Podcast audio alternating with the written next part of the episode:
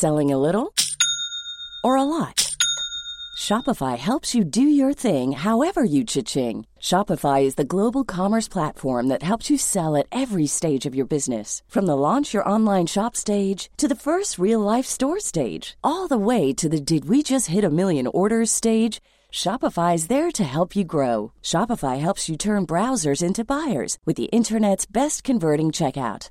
36% better on average compared to other leading commerce platforms because businesses that grow grow with Shopify. Get a $1 per month trial period at shopify.com/work. shopify.com/work.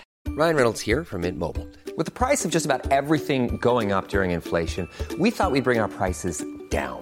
So to help us, we brought in a reverse auctioneer, which is apparently a thing.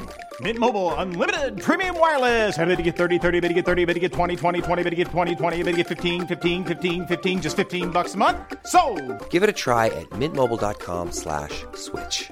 $45 upfront for three months plus taxes and fees. Promo rate for new customers for limited time. Unlimited more than 40 gigabytes per month. Slows. Full terms at mintmobile.com.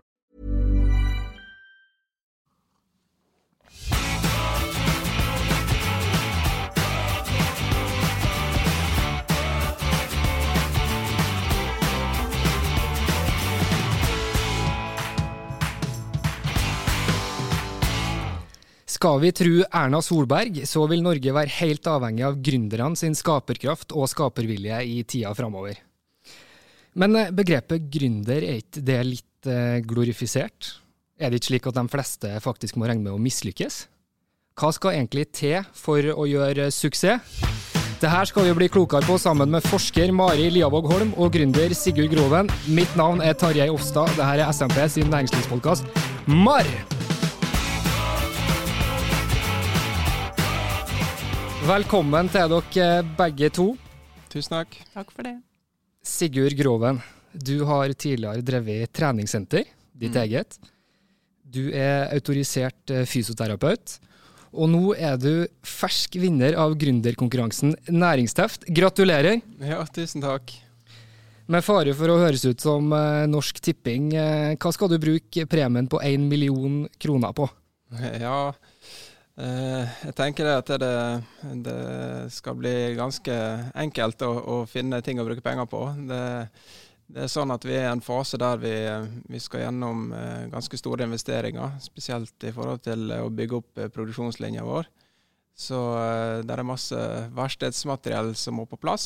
Eh, CNC-fres og sveiseutstyr og, og 3D-printere og ja, alt mulig sånt. Eh, så, um, så det skal nok eh, bli en grei prosess å, å få disponere disse midlene. Mm. Vi skal se nærmere på eh, selskapet deres, Exotech, eh, og hva det skal levere. Men først så bør vi jo spore tilbake til juni 2015, til hendelsen som mildt sagt endra livet ditt. eh, Og her eh, bør vi ta oss forholdsvis god tid. Ja. Hva var det som skjedde? Ja, nei, altså ehm, Jeg har jo vært en ivrig sykkelentusiast en del år. Og ehm, det begynte jo egentlig ja, tilbake i 2009, var det vel. Ehm, jeg kan jo si at jeg holdt mye på med sykling i barndommen også, BMX og den type ting, da, og litt eh, terrengsykling og forskjellig. Og så tok jeg det vel opp igjen da, i forbindelse med at eh, brødrene mine ble veldig ivrig på Birken-sykling, og den type ting. Så, så hang jeg meg med på det, og kjøpte meg en eh, ny sykkel og begynte å trene, da, vet du. Og um, deltok på en masse ritt i disse her første åra, fram mot sånn ja, 2013. Da begynte jeg egentlig å interessere meg mer og mer for uh, sånn type stisykling og endurosykling, da, som, er, som er, involverer litt høyere fart og mer sånn nedoverorientert uh, sykling. Um, og så um, uh, ja, hadde vi en sånn årlig tur. da, Jeg og en uh, gjeng med venner fra sykkelmiljøet uh, i Skodje omegn, der jeg bor. Der vi reiste ned til, til Vågå i, i Gudbrandsdalen, der vi har familiehytta vår. og Pappa er derifra.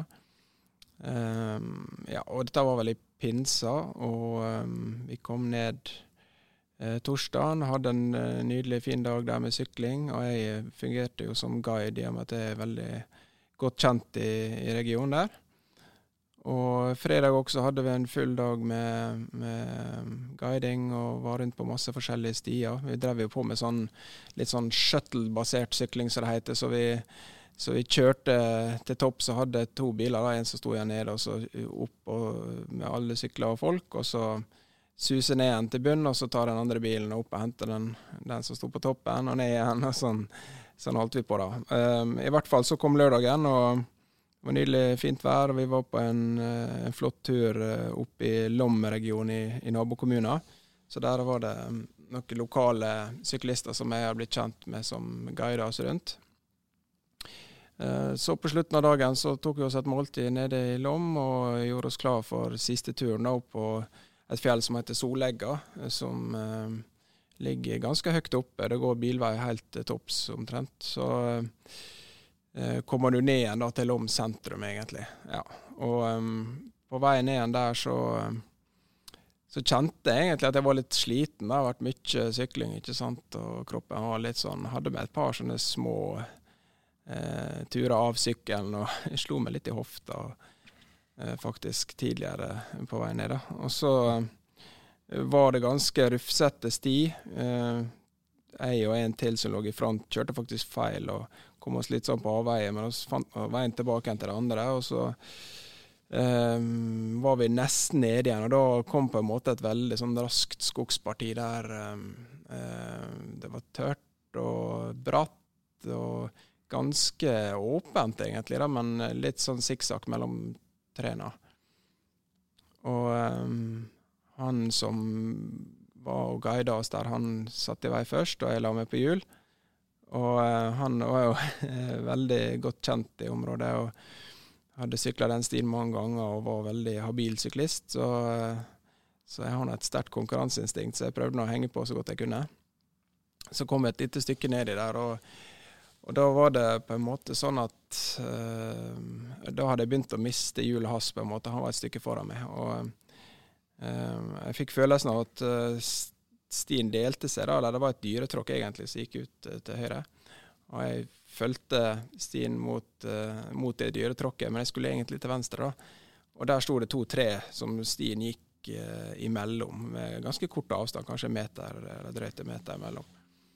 Og idet jeg skjønte jeg var på vei til å sykle feil, så prøvde jeg liksom å hente meg inn og dra sykkelen over, over eh, på stien, men eh, mista litt sånn grep og kontroll og fikk et kast på sykkelen. Og så gikk det så fort egentlig at jeg, jeg rakk ikke reagere, for jeg skjønte jo i siste sekund at jeg ikke kom til å komme meg inn igjen mellom disse to trærne.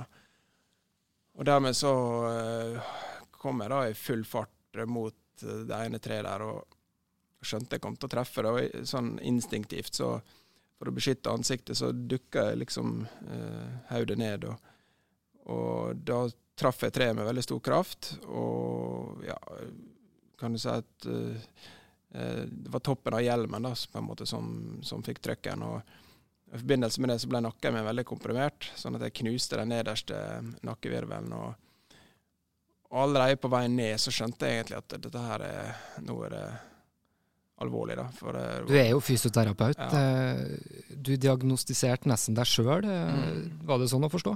Ja, med en gang jeg landa, så, så, tenkte jeg bare at nå er, nå er jeg lam. For jeg, jeg hadde en følelse av at jeg, Lam? Ja. Fra Ja, jeg, jeg ble, var jo lam fra brystet og ned. Ja. Og i forbindelse med det så, så, er jo det vanskelig å puste også, for mye av de musklene som du har i magen og rundt ribben og sånn som assisterer i pustearbeidet, blir jo lamma. Så, men i hvert fall så, så, konkluderte jeg ganske raskt med at jeg, at jeg var lam. da. Og eh, heldigvis hadde jeg med meg en gjeng med, med kamerater som en som var yrkesmilitær, og en som jobba i Røde Kors, og så fikk jo tilkalt ambulanse, eh, eller eh, ambulansehelikopter og oppgitt koordinater og sånne ting. Så, så etter hvert så fikk de stabilisert meg, og det var lokale Røde Kors og sånt. og ambulansepersonell som kom opp og fikk meg på bår og fikk på meg krage og klippet av meg klær og ja, så videre. Så ble jeg båret ned Glenningskogen. og heiste opp og flydd til Ullevål sykehus. og Der lå jeg på nevrointensiven da i ni dager var det vel, før jeg ble over 40 Sunnaas sykehus. Så det var jo en eh, veldig traumatisk eh, og tøff periode, da, der jeg gikk fra å være en veldig kapabel eh, femmannspappa med tusen jern i ilden og hektisk jobb og alt sånt der, til å bli eh, nærmest hjelpeløs. da. Eh, I starten så hadde jeg ikke særlig kraft i hendene heller. Jeg var helt på grensa til at jeg mista armfunksjon, arm- og håndfunksjon, faktisk. Så litt lenger opp i nakken. Om skaden hadde ligget litt lenger opp, så hadde jeg mista det også. Og du er jo fortsatt en dag i dag en aktiv friluftsmann, til tross ja. Eh, for at ting ble eh, snudd opp ned. Og tidlig så prøvde å ta i bruk terrengkjøretøy mm. for å komme deg ut i eh, skog og mark igjen. Ja, Hva var det du opplevde da? Det var liksom en av de første tingene jeg begynte å tenke på. da, Hvordan blir livet nå? og Uh, og hvordan skal jeg få dyrke uh, hovedinteressene mine, som da er friluftsliv og sykling. Og, og det å være ute i, i, naturen. Det er en ting som er veldig viktig for meg. Så, så jeg begynte med en gang å, å søke etter uh, ulike typer hjelpemidler. Både armsykler, men også et terrenggående kjøretøy. Armsykler er, er veldig fint treningsverktøy, men litt mer begrensa i forhold til fremkommelighet. Da. Eller ja, ganske mye mer begrensa. Så jeg orienterte meg på markedet og liksom fant ingenting som jeg følte var helt bra nok, men endte opp med å kjøpe en sånn eh, eh, terrenggående firhjuling som ligner på den vi skal lage, da, men eh, Ja, fortell om vi, altså din medgründer som du ble kjent med gjennom eh, Sunnaas-stiftelsen. Mm. han heter Mathias eh, Storvestre, og han er egentlig utdanna flymekaniker og såkalt eh, CAD-designer. Det står for Computer Assisted Drawing, så han driver med 3D-modellering og sånt. Og, ehm, og, han møtte på en, en aktivitetscamp for ryggmargskadde gjennom Sunnaas-stiftelsen i, i, 2017. Og han er, er samboer med ei jente som også er ryggmargskadd eh, som meg, og sitter i stol. Og eh, så viste han meg en del vi kom i snakk der, og så han viste meg en del video og bilder av ombygging han hadde gjort på en sånn tilsvarende modell som jeg hadde. Ja. Der han hadde strippa den helt ned til grunnramma, egentlig, og bygde den opp igjen da, med firehjulstrekk og sånne fatbike-hjul og nye motorer og batterier og alt var endra da, egentlig. Da, er det dem man kan se noen video av eh, nå på nettet, ja. hvor dere bare raser opp trappa og det som er? Ja, det, det er en sånn, var på en måte en sånn proof of concept-modell. som, som, Det er viktig å presisere at det, det, den rammekonstruksjonen er ikke vår, den, den tilhører en, en fransk produsent. Så men vi brukte det for å liksom lære oss litt om, om, hva som var mulig å få til når det gjaldt fremkommelighet og sånt. da. Så, eh, så, så, så var det sånn det begynte, egentlig. Og, eh, og så tok Mathias på seg å bygge om min. Så var jeg og henta den ja, det var sommeren 2019 og, og ble helt sånn blåst av banen over det han hadde fått til. Og da, da har han testa ut en del nye konsept med kjededrift bak og gjort litt forskjellig nytt. Og eh, ja, det var veldig gøy å, å plutselig oppleve det at det, nå, nå, var det veldig få begrensninger. Og det ga også grunnlaget for uh, en gründervirksomhet, som vi skal komme enda mer tilbake til. Mm. Mari, du er doktorgradskandidat ved NTNU og har forska på gründere med nettopp næringsteft som case. Mm. Uh, kan du beskrive først i korte trekk hva konkret det er du har forska på? Ja, eh, jeg jobber da med dette doktorgradsprosjektet der vi ser på veldig sånn generelt, da, men vi ser på den læringa som gründere går gjennom i de prosessene som han, Sigurd har, har, vært gjennom og er, er i egentlig nå. Um, så vi, vi, tenker at det her er, eller forskning har vist at det, um, man er ikke nødvendigvis født som gründer, men man gjennomgår en del sånne læringsprosesser da, på ulike eh, områder eh, i det å kunne bære frem en idé, da, sånn som eh, Sigurd da hadde, og så et hull i markedet, som du sa, og, og liksom løfte da denne ideen ut. Jeg har lyst til å spørre litt om akkurat det med hull i markedet. Altså, det heter seg jo at nød lærer naken kvinne å spinne. Eh, hvor vanlig er det at gründerideer kommer på bakgrunn av et selvopplevd behov? Jo, det tror jeg er ganske vanlig. Altså, det er noe med det er vanskelig å på en måte generalisere veldig, men det vi vet er at det, um, det er gjerne når man kjenner noe sjøl på kroppen, da, et behov på kroppen, at man um, finner de gode ideene, for å si det sånn. Og, um, og gründerprosjekt eller gründerideer kommer gjerne fra enten forskning og utvikling, altså man finner ny kunnskap som man tenker at dette kan brukes i, i um, et område som, der det ikke er implementert før. Eller så kommer det fra en helt sånn konkret idé, sånn som dere hadde, at her ser vi at det mangler, rett og slett. Altså denne varianten, den mangler. Um, eller så kommer det gjerne av en sånn lidenskap. Altså man bare er laga for og, mm. og, og, liker det å bære frem ideer da, ute i virkeligheten. Så, mm. Du har sammenligna det å være gründer med å eh, være laga av plastelina. Eh, hva legger du i det? ja, eh, det var på Når jeg skulle snakke til de som årets næringslivsdeltakere, Sigurd og de andre, når jeg skulle fortelle litt om det hva tips jeg kunne ha til, til deg, da, siden jeg har um, fulgt med på disse gründerne i Næringsteft i, i, tre år, uh, så frem til da Sigurd og de begynte. Um, og da, jeg, jeg, sa ikke at, eller jeg, jeg, håper ikke jeg sa at de skulle være plastelin, men jeg tenkte at de kunne tenke på prosjektet sitt som et, en plastelinfigur. Fordi mm. det er såpass mange element du skal klare å eh, kommunisere da, overfor noen som skal forstå prosjektet ditt. Altså en ting er, I Sigurds tilfelle så forstår vi det veldig lett, fordi han klarer å beskrive det ut fra sitt eget behov. Og, og vi skjønner også behovet han hadde for å komme seg ut i naturen igjen. Så det, det er lett å forstå. Eh, men det som vi ikke eh, hører bak her, er jo at det ligger mye jobbing rundt det å Eh, plassere det i markedet, eh, den, eh, den, tekniske oppbyggingen av produktet. Altså det, det, er sånne detaljer som har tatt lang tid, vil jeg tro, og mye arbeid, hardt arbeid. Og markedsføring, digital markedsføring, det snakka vi litt om i forrige episode. Det er mye som skal på plass, sikkert. Jeg har bare lyst til å ta, holde litt fast i det du sa med at det er hard jobbing, og dra fram et sitat fra sjømateksportør og gründer Roger Hofseth.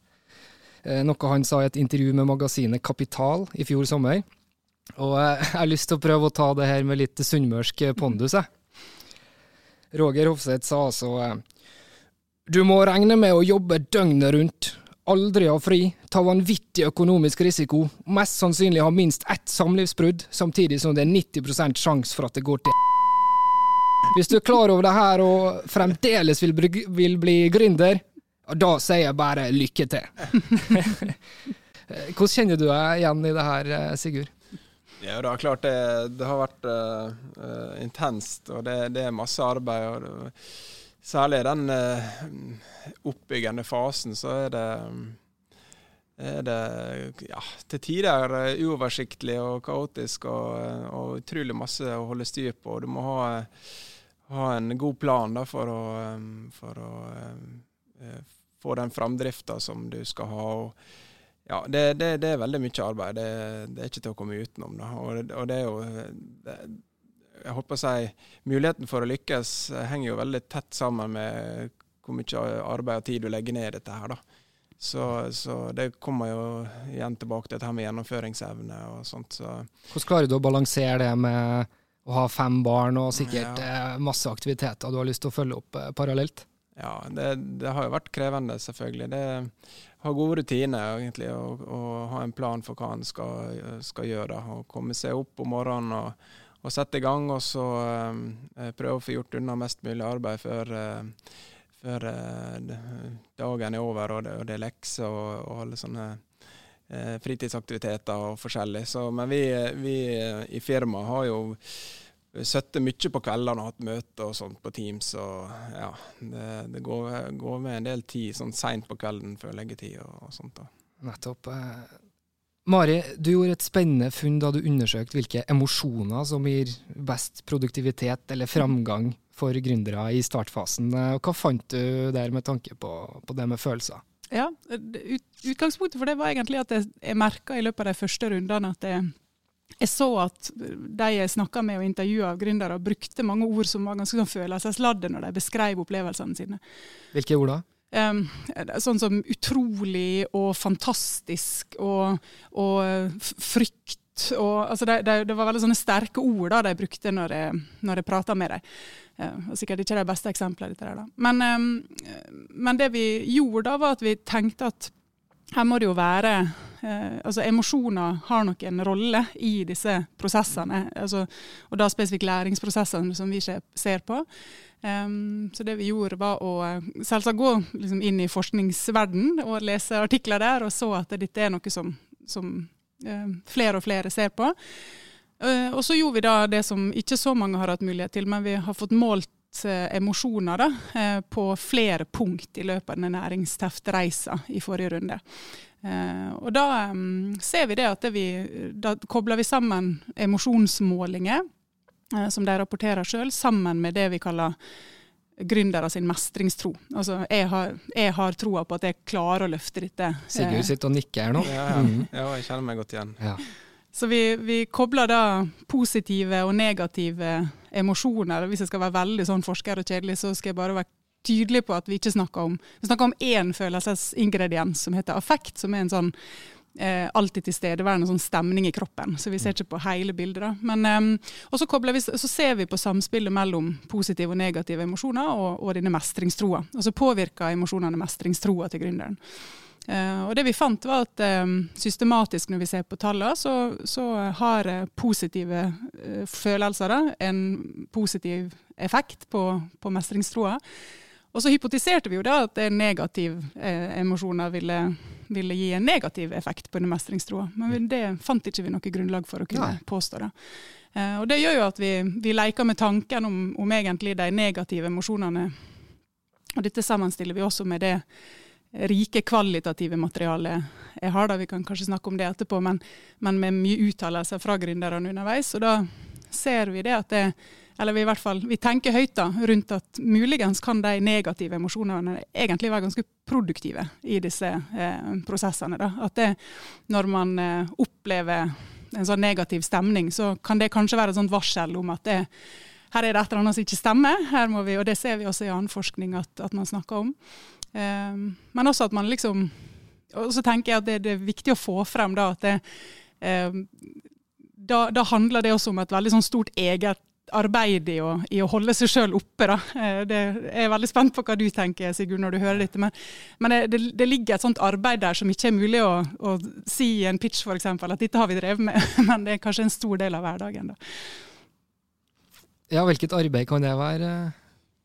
Ja, altså eh, det er jo som, som hun sier, så er det, det er veldig mye følelser involvert underveis i den prosessen. her, og Det, det har vært en uh, berg-og-dal-bane på den måten. Men uh, jeg er helt enig i at uh, i utgangspunktet negative emosjoner kan være produktive. Da, slik at du, du kjenner på et, et, visst press hele tida til å levere. og du ja, det, selv om det er overveldende og du er redd for å mislykkes og alt sånt der, så, så vil, uh, vil, disse her uh, per definisjon negative følelsene kunne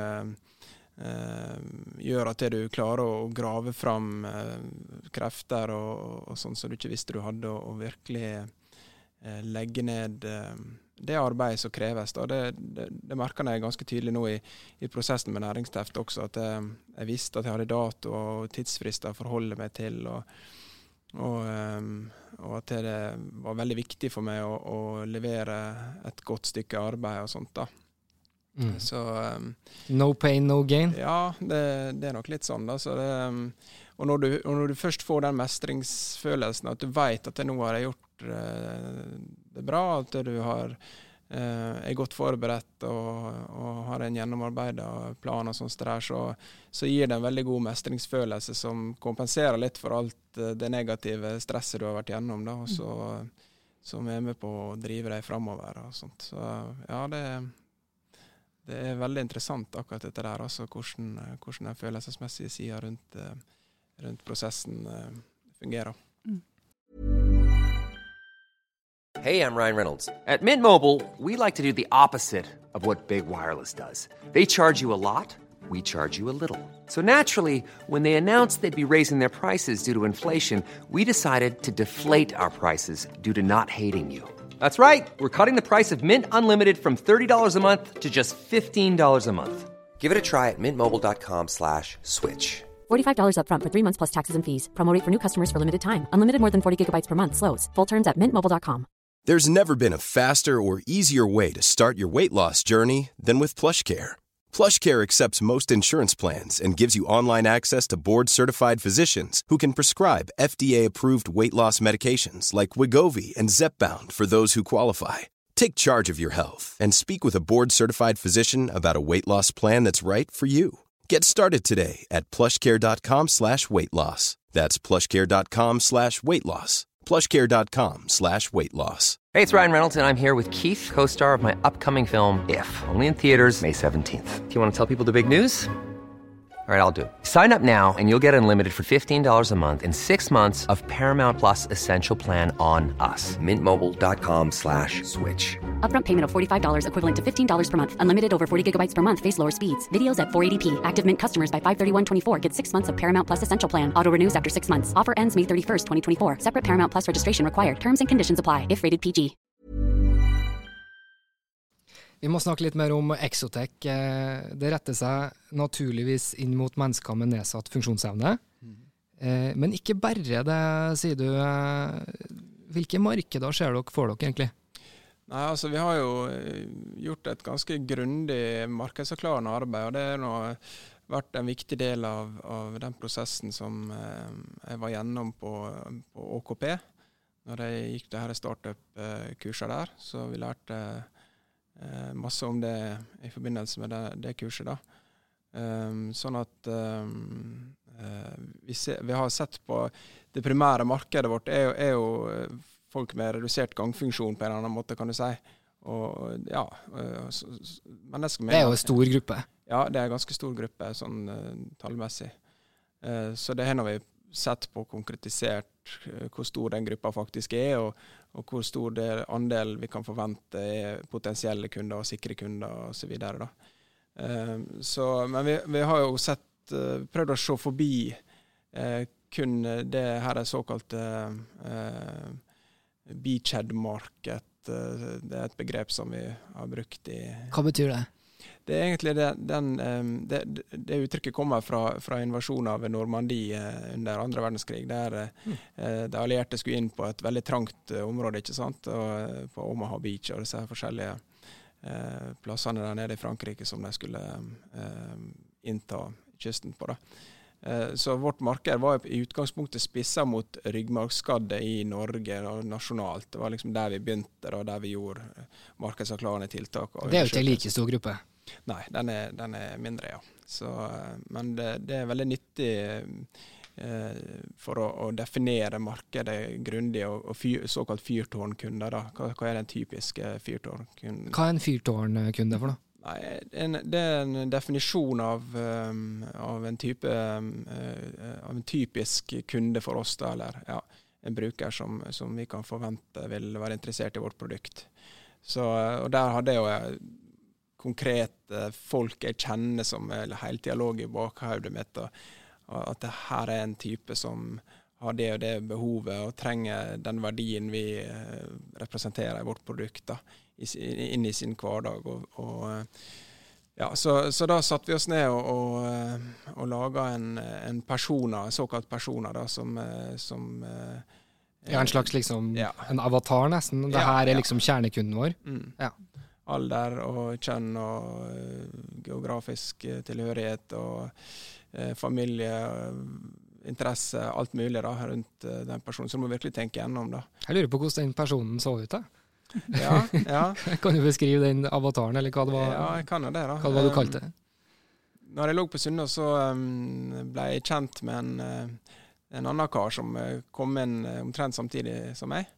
Um, og det var egentlig han jeg tok litt utgangspunkt i. Vi to har blitt veldig gode venner. og uh, Han er jo relativt lik meg sjøl, jeg innrømmer på mange områder. Sant? Vi har litt uh, samme alder, eh, samme interesse og, og sånn som der. Så, så det var kanskje det mest typiske eksempelet. da. Du, du har unger i riktig alder ikke sant, som har behov for å komme seg ut i lag med deg og, og dele gode opplevelser i naturen og sånne ting. da. Så ehm, ja, og, og en aktiv eh, person som søker utfordringer og alt dette der. Men, men det, det er bare et sånt veldig erketypisk eksempel, og så er det eh, selvfølgelig veldig mange andre grupper som vil ha stor glede av dette her. Turistnæringa, Ja. har du nevnt det òg, eller? Ja, det er en ting vi har sett på. Vi har hatt eh, møte med, med Geilo sykkelpark f.eks., og Trysil har vi hatt diskusjoner med. Og der er jo flere og flere sånne Det er jo veldig i tiden, da. Det spretter jo opp sykkelparker overalt nå.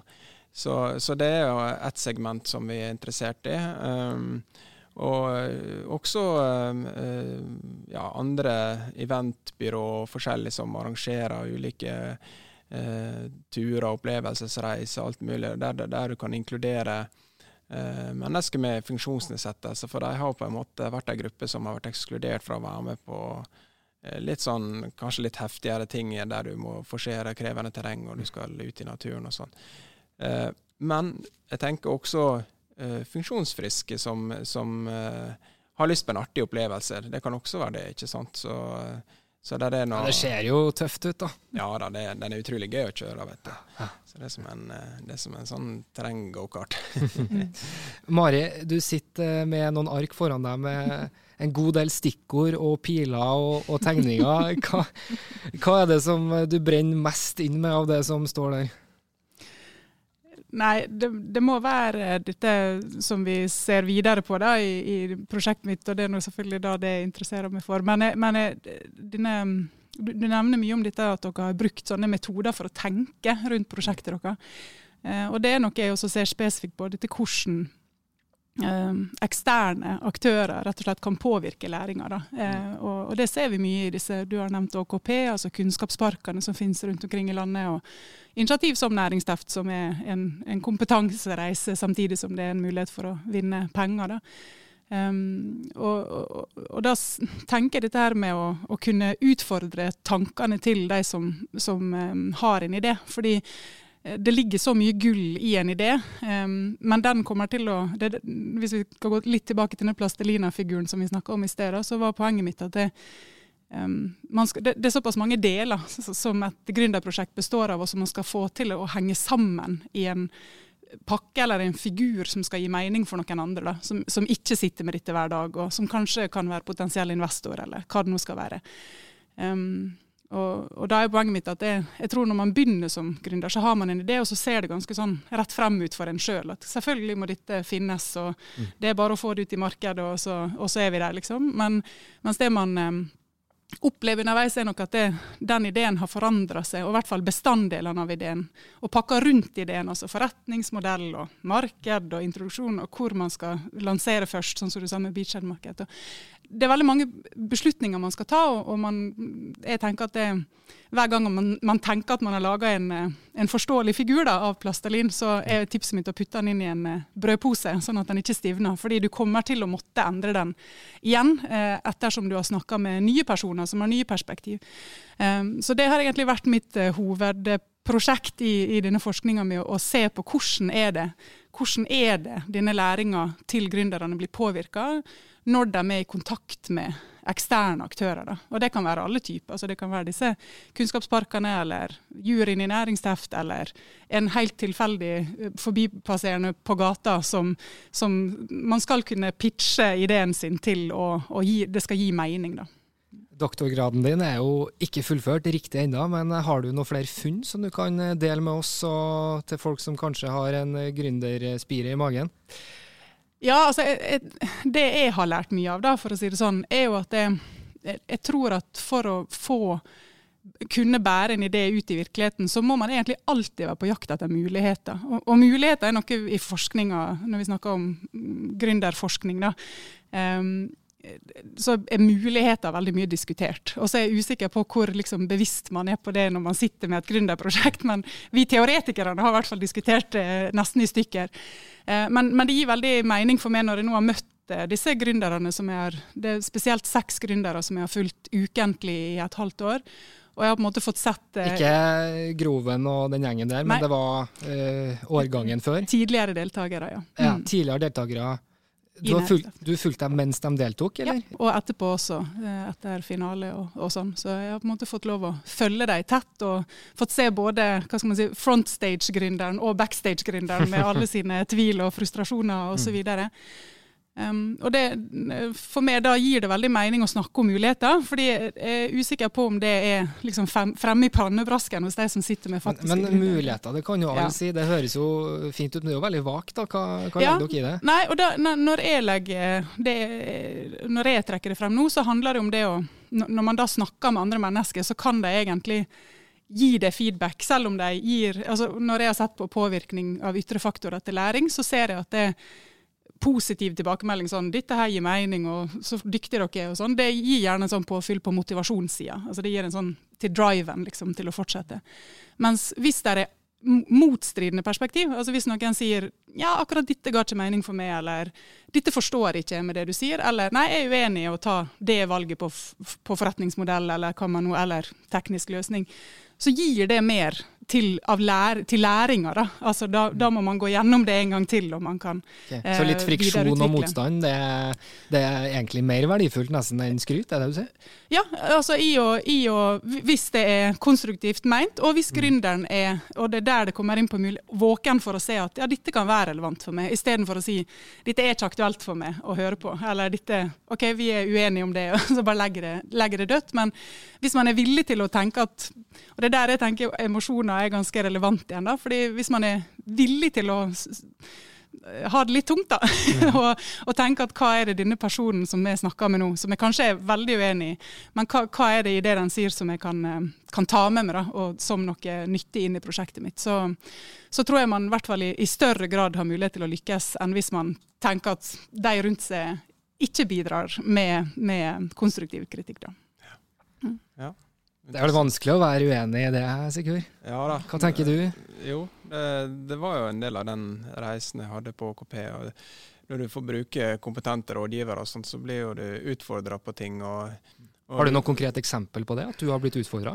Exotec har blitt utfordra? Ja, altså, kanskje spesielt det at vi, eh, både jeg og Mathias eh, var, gikk inn i det, kan du si, dette her der vi på en måte var veldig produktfokusert og det tekniske rundt uh, de forskjellige løsningene. Og, og, veldig ivrig på selve uh, løsninga og produktet. Uh, så fikk jo vi fort erfare at det, ja, men er det et marked? Og en ting er at du har funnet opp noe veldig morsomt og kult og interessant og, og viktig, men, men du må eh, orientere deg og ta liksom den litt tunge og kanskje litt tider kjedelige jobben med å, å finne ut uh, om det er et reelt marked å henvende seg til, og at, at det er folk som er villige til å kjøpe produktet ditt. da. Og det Så, mener altså dere helt klart at det er? Ja. Det gjør også juryen i, konkurransen dere vant. Hva blir neste steg eh, i satsinga nå, da? Nei, nå er det å få, um, få ferdigstilt uh, prototypene våre. Vi driver på med å bygge fullskala prototyper nå.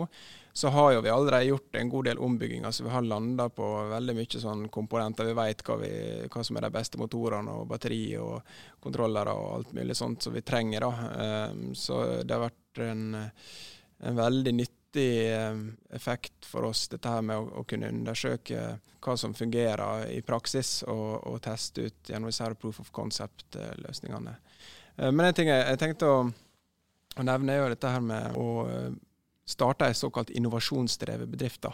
Det er veldig forskjellig fra, fra å starte en bedrift med et lokalt marked. Det har jeg vært gjennom tidligere, gjennom jobb som jeg hadde før i, i, i fysiotrimmen ute på Ørskog. Det var et eh, treningssenter, eller hva? Ja. Med fysioterapi? Ja, jeg fikk mm. jo en såkalt driftsavtale da når jeg starta der. det var i slutten av 2005 jeg begynte å bygge opp den bedriften.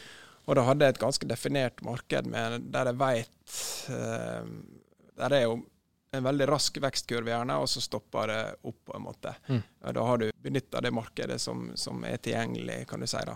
Uh, og jeg visste jo at jeg fikk inn penger fra dag én som, som fysioterapeut. Og, og, i starten av veldig stor interesse. Sånn det kom masse kunder inn og ville bli medlem på treningsstudio og sånn. Og så, og så metter du det markedet. Du tar en viss, uh, viss prosent av befolkninga der som, som, er interessert i å trene på treningsstudio. og så og så er det litt mer begrensa hvor mye du kan vokse. da. Mens det, mens det å starte innovasjonsdrevet bedrift, såkalt innovasjonsdrevet bedrift som vi gjør nå, er, inneholder en helt annen eh, rekke utfordringer som er ja, med masse eh, elementer som jeg ikke hadde tenkt på før. Så det var, Selv om jeg hadde den ballasten med å ha drevet med egen bedrift i mange år, så ble dette her på en helt, helt annen måte. altså. Hva var det som skilte seg aller mest ut? Nei, det er jo dette her med, å, å, med markedet spesielt. At det, det, er ikke så tilgjengelig nødvendigvis, og så godt definert som når du, når du skal si at du skal åpne en restaurant her i Ålesund, da, så vet du på en måte Har du ganske god oversikt over markedet. da. også basert på det andre har gjort før det, osv. Mens det, nå når du kommer med noe som er eh, på sett og vis nytt i markedet. Da. Det er klart det er andre, det er nybrottsarbeid? Ja, det er andre løsninger som ligner. og, og sånt der, da, men, eh, men det, det, er vanskeligere å, å helt uh, vite nå, hva nå, skal til. nå skal du faktisk få lov å selge inn produkter hvis du ønsker det. fordi det finnes jo folk, det vet jeg, eh, som er lam fra livet og ned, og som er faktisk ganske fornøyd med de produktene som allerede finnes. Ja. Hva er det dere tilfører? Nei, du kan si at det, det, det, vil jo variere litt med hva behov du har personlig, hva som er viktig for deg og sånne ting. Så, så selvfølgelig så er det mange som ikke, ikke nødvendigvis kjenner på det behovet med, med, å ha et produkt som har ekstrem fremkommelighet, som gjør at du kan komme deg til plasser som normalt sett er er helt utilgjengelig for, for Og her er ikke noe du bare sier, her kan man se på video, hvis noen lurer på det. Ja da. Framkommeligheten er ekstrem. Ja, er, det er ingenting som vi har funnet, i hvert fall som, som er nærheten av å representere den framkommeligheten som, som Exokoden vil ha. da. Um, Exokoden? Exokod, ja. Oh, ja. ja. Torsk tenkte jeg på nå. Ja. kan si at vårt er Exotech, og så mm. produktnavnet Exocod. Mm. Og så er jo planen å utvide porteføljen vår med forskjellige modeller sånn etter hvert. da. Det har vi veldig sånn konkret eh, eh plan om. Men uh, eh, det som er på markedet i dag, det er gjerne det som er utfordringa. Enten så er det, er det, for stort og tungt, slik at det er vanskelig å frakte med seg. Sant? Så vi ville ha en løsning som var veldig kompakt, som var, hadde ekstrem motorkraft. Eh, som spesielt trekkraft er viktig. Da, for det, dette her er jo en sånn eh, Vi bruker å kalle det for en uphill bike, det er ikke en downhill bike. Der finnes det en god del sånne downhill-sykler på markedet som er mer skapt for uh, høy fart eh, nedover og bortover og sånt der, og, leke og moro. da.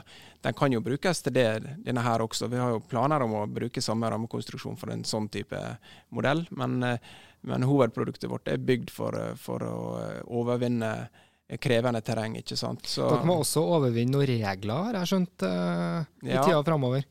Det var jo en, en, ting som juryen spurte meg ganske grundig ut om, da, hvordan vi forholder oss til ferdsel i utmark og sånt.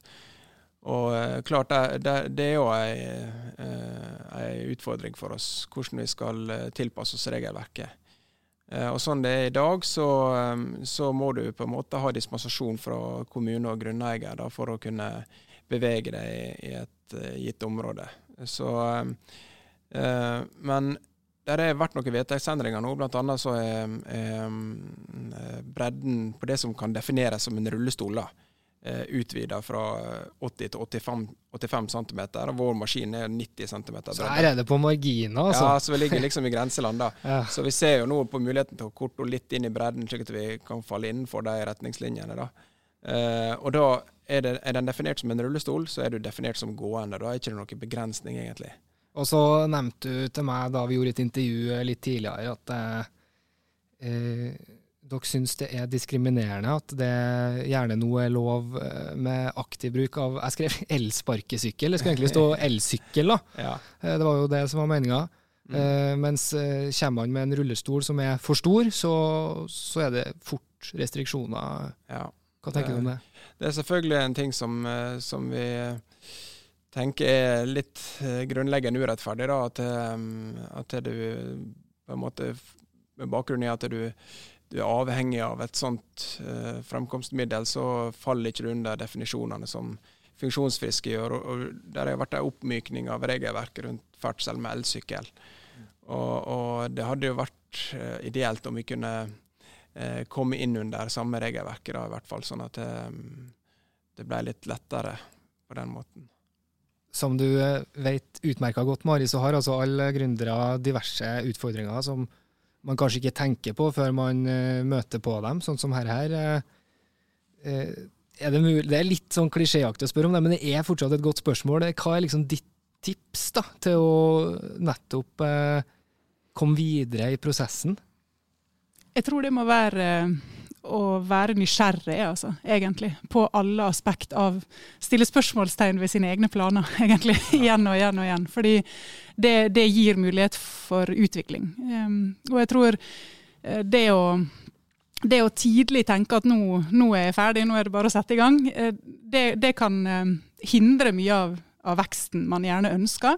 Eh, det er ikke det at man bare skal sitte på kontoret og tegne og skrive. Man skal være ute blant folk, snakke høyt om ideen sin så langt man kan uten å røpe de viktige detaljene, sånn at man kommer i patentstrid og sånn. Men, eh, Men er det noen som heller igjen litt for mye, som gjerne kunne ha delt mer, eller? Ja, altså, Der ser jeg forskjeller på det jeg har fulgt tett. At det, man, man øh, man, man, har ulike måter, altså, sånn som jeg snakka om i sted. dette med, jeg, jeg, har et sånt begrep for meg sjøl. Liksom, hvis man ser på den påvirkning utenfra og inn på læringa i prosjektet, så, så, har jeg skrevet det, det, jeg kaller for en sånn relevansvurdering hos gründeren om er dette relevant for meg eller ikke. Og så må, det, må informasjonen utenfra liksom gå gjennom det filteret før man tar det inn og, og og prøve å reflektere rundt det inn i sitt eget nå. Tenkte jeg, nå tenkte jeg mest på det med at eh, man er redd for å på en måte røpe ideen sin, kanskje avsløre en patent.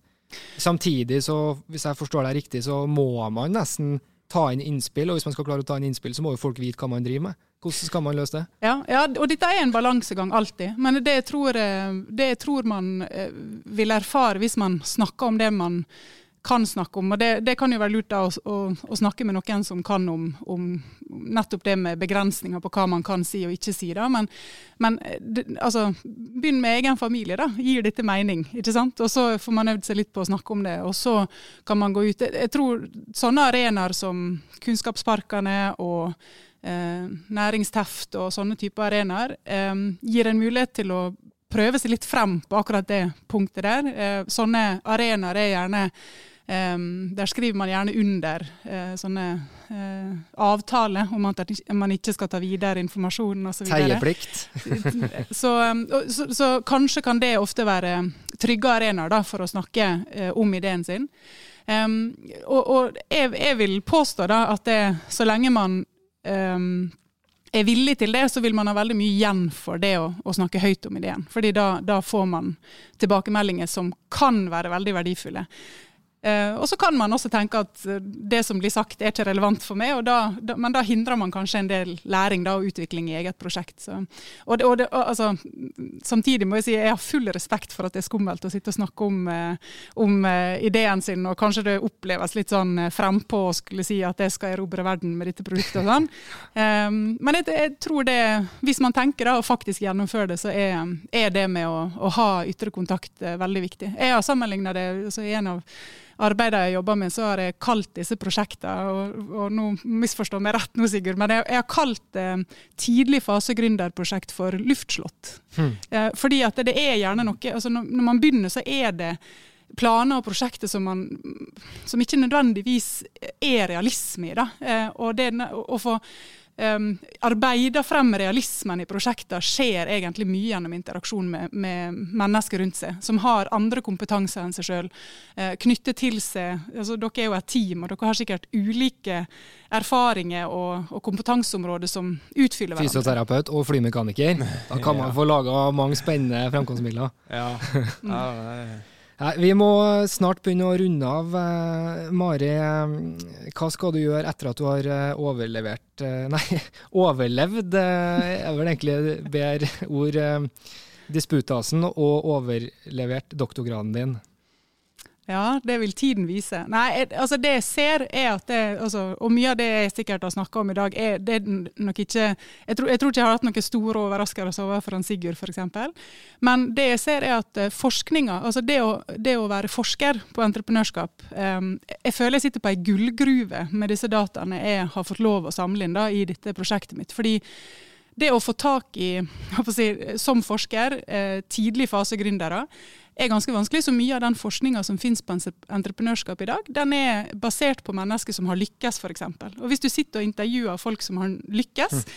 så går du glipp av veldig mange detaljer. Og jeg ser også i materialet mitt at det, eh, gründerne sjøl ikke nødvendigvis er Altså, jeg, jeg, kan nok se mer spore læring i mye større grad enn de sjøl kan sette ord på, kanskje. En, så med andre ord så har du tenkt å fortsette med det du gjør nå? Ja, jeg, jeg tenker i hvert fall at dette Ja, det er noe Altså, jeg bruker nå fire år på å prøve å bli forsker, så man kan jo prøve.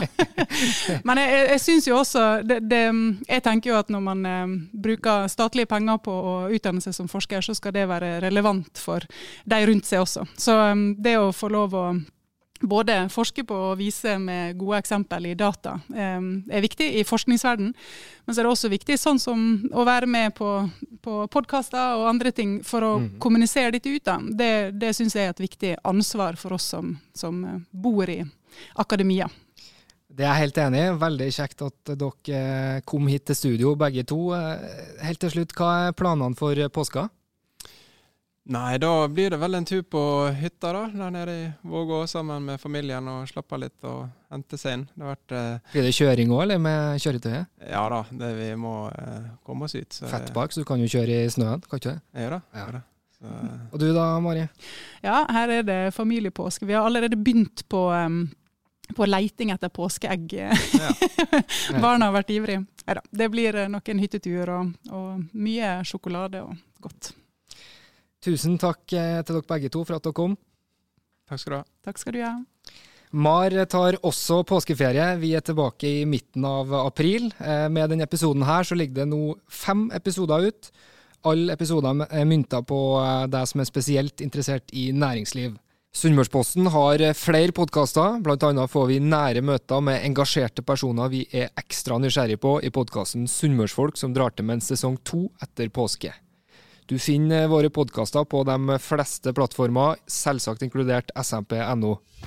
Gjerne lik, del og abonner. Vi setter også pris på ris og ros. Mitt navn er Tarjei Engeseth Ofstad. Takk for laget så langt.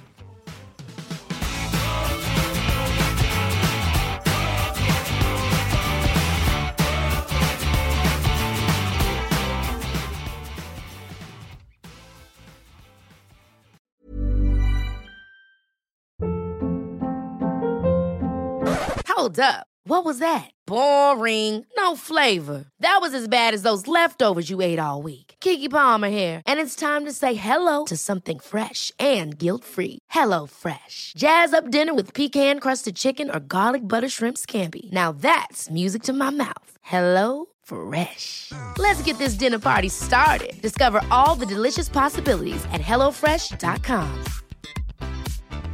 Hi, I'm Daniel, founder of Pretty Litter. Did you know cats tend to hide symptoms of sickness and pain? I learned this the hard way after losing my cat, Gingy. So I created Pretty Litter, a health monitoring litter that helps detect early signs of illness by changing colors, saving you money and potentially your cat's life. Pretty Litter is veterinarian developed, and it's the easiest way to keep tabs on your fur baby's health right at home. Go to prettylitter.com and use code ACAST for 20% off your first order and a free cat toy. Terms and conditions apply. See site for details.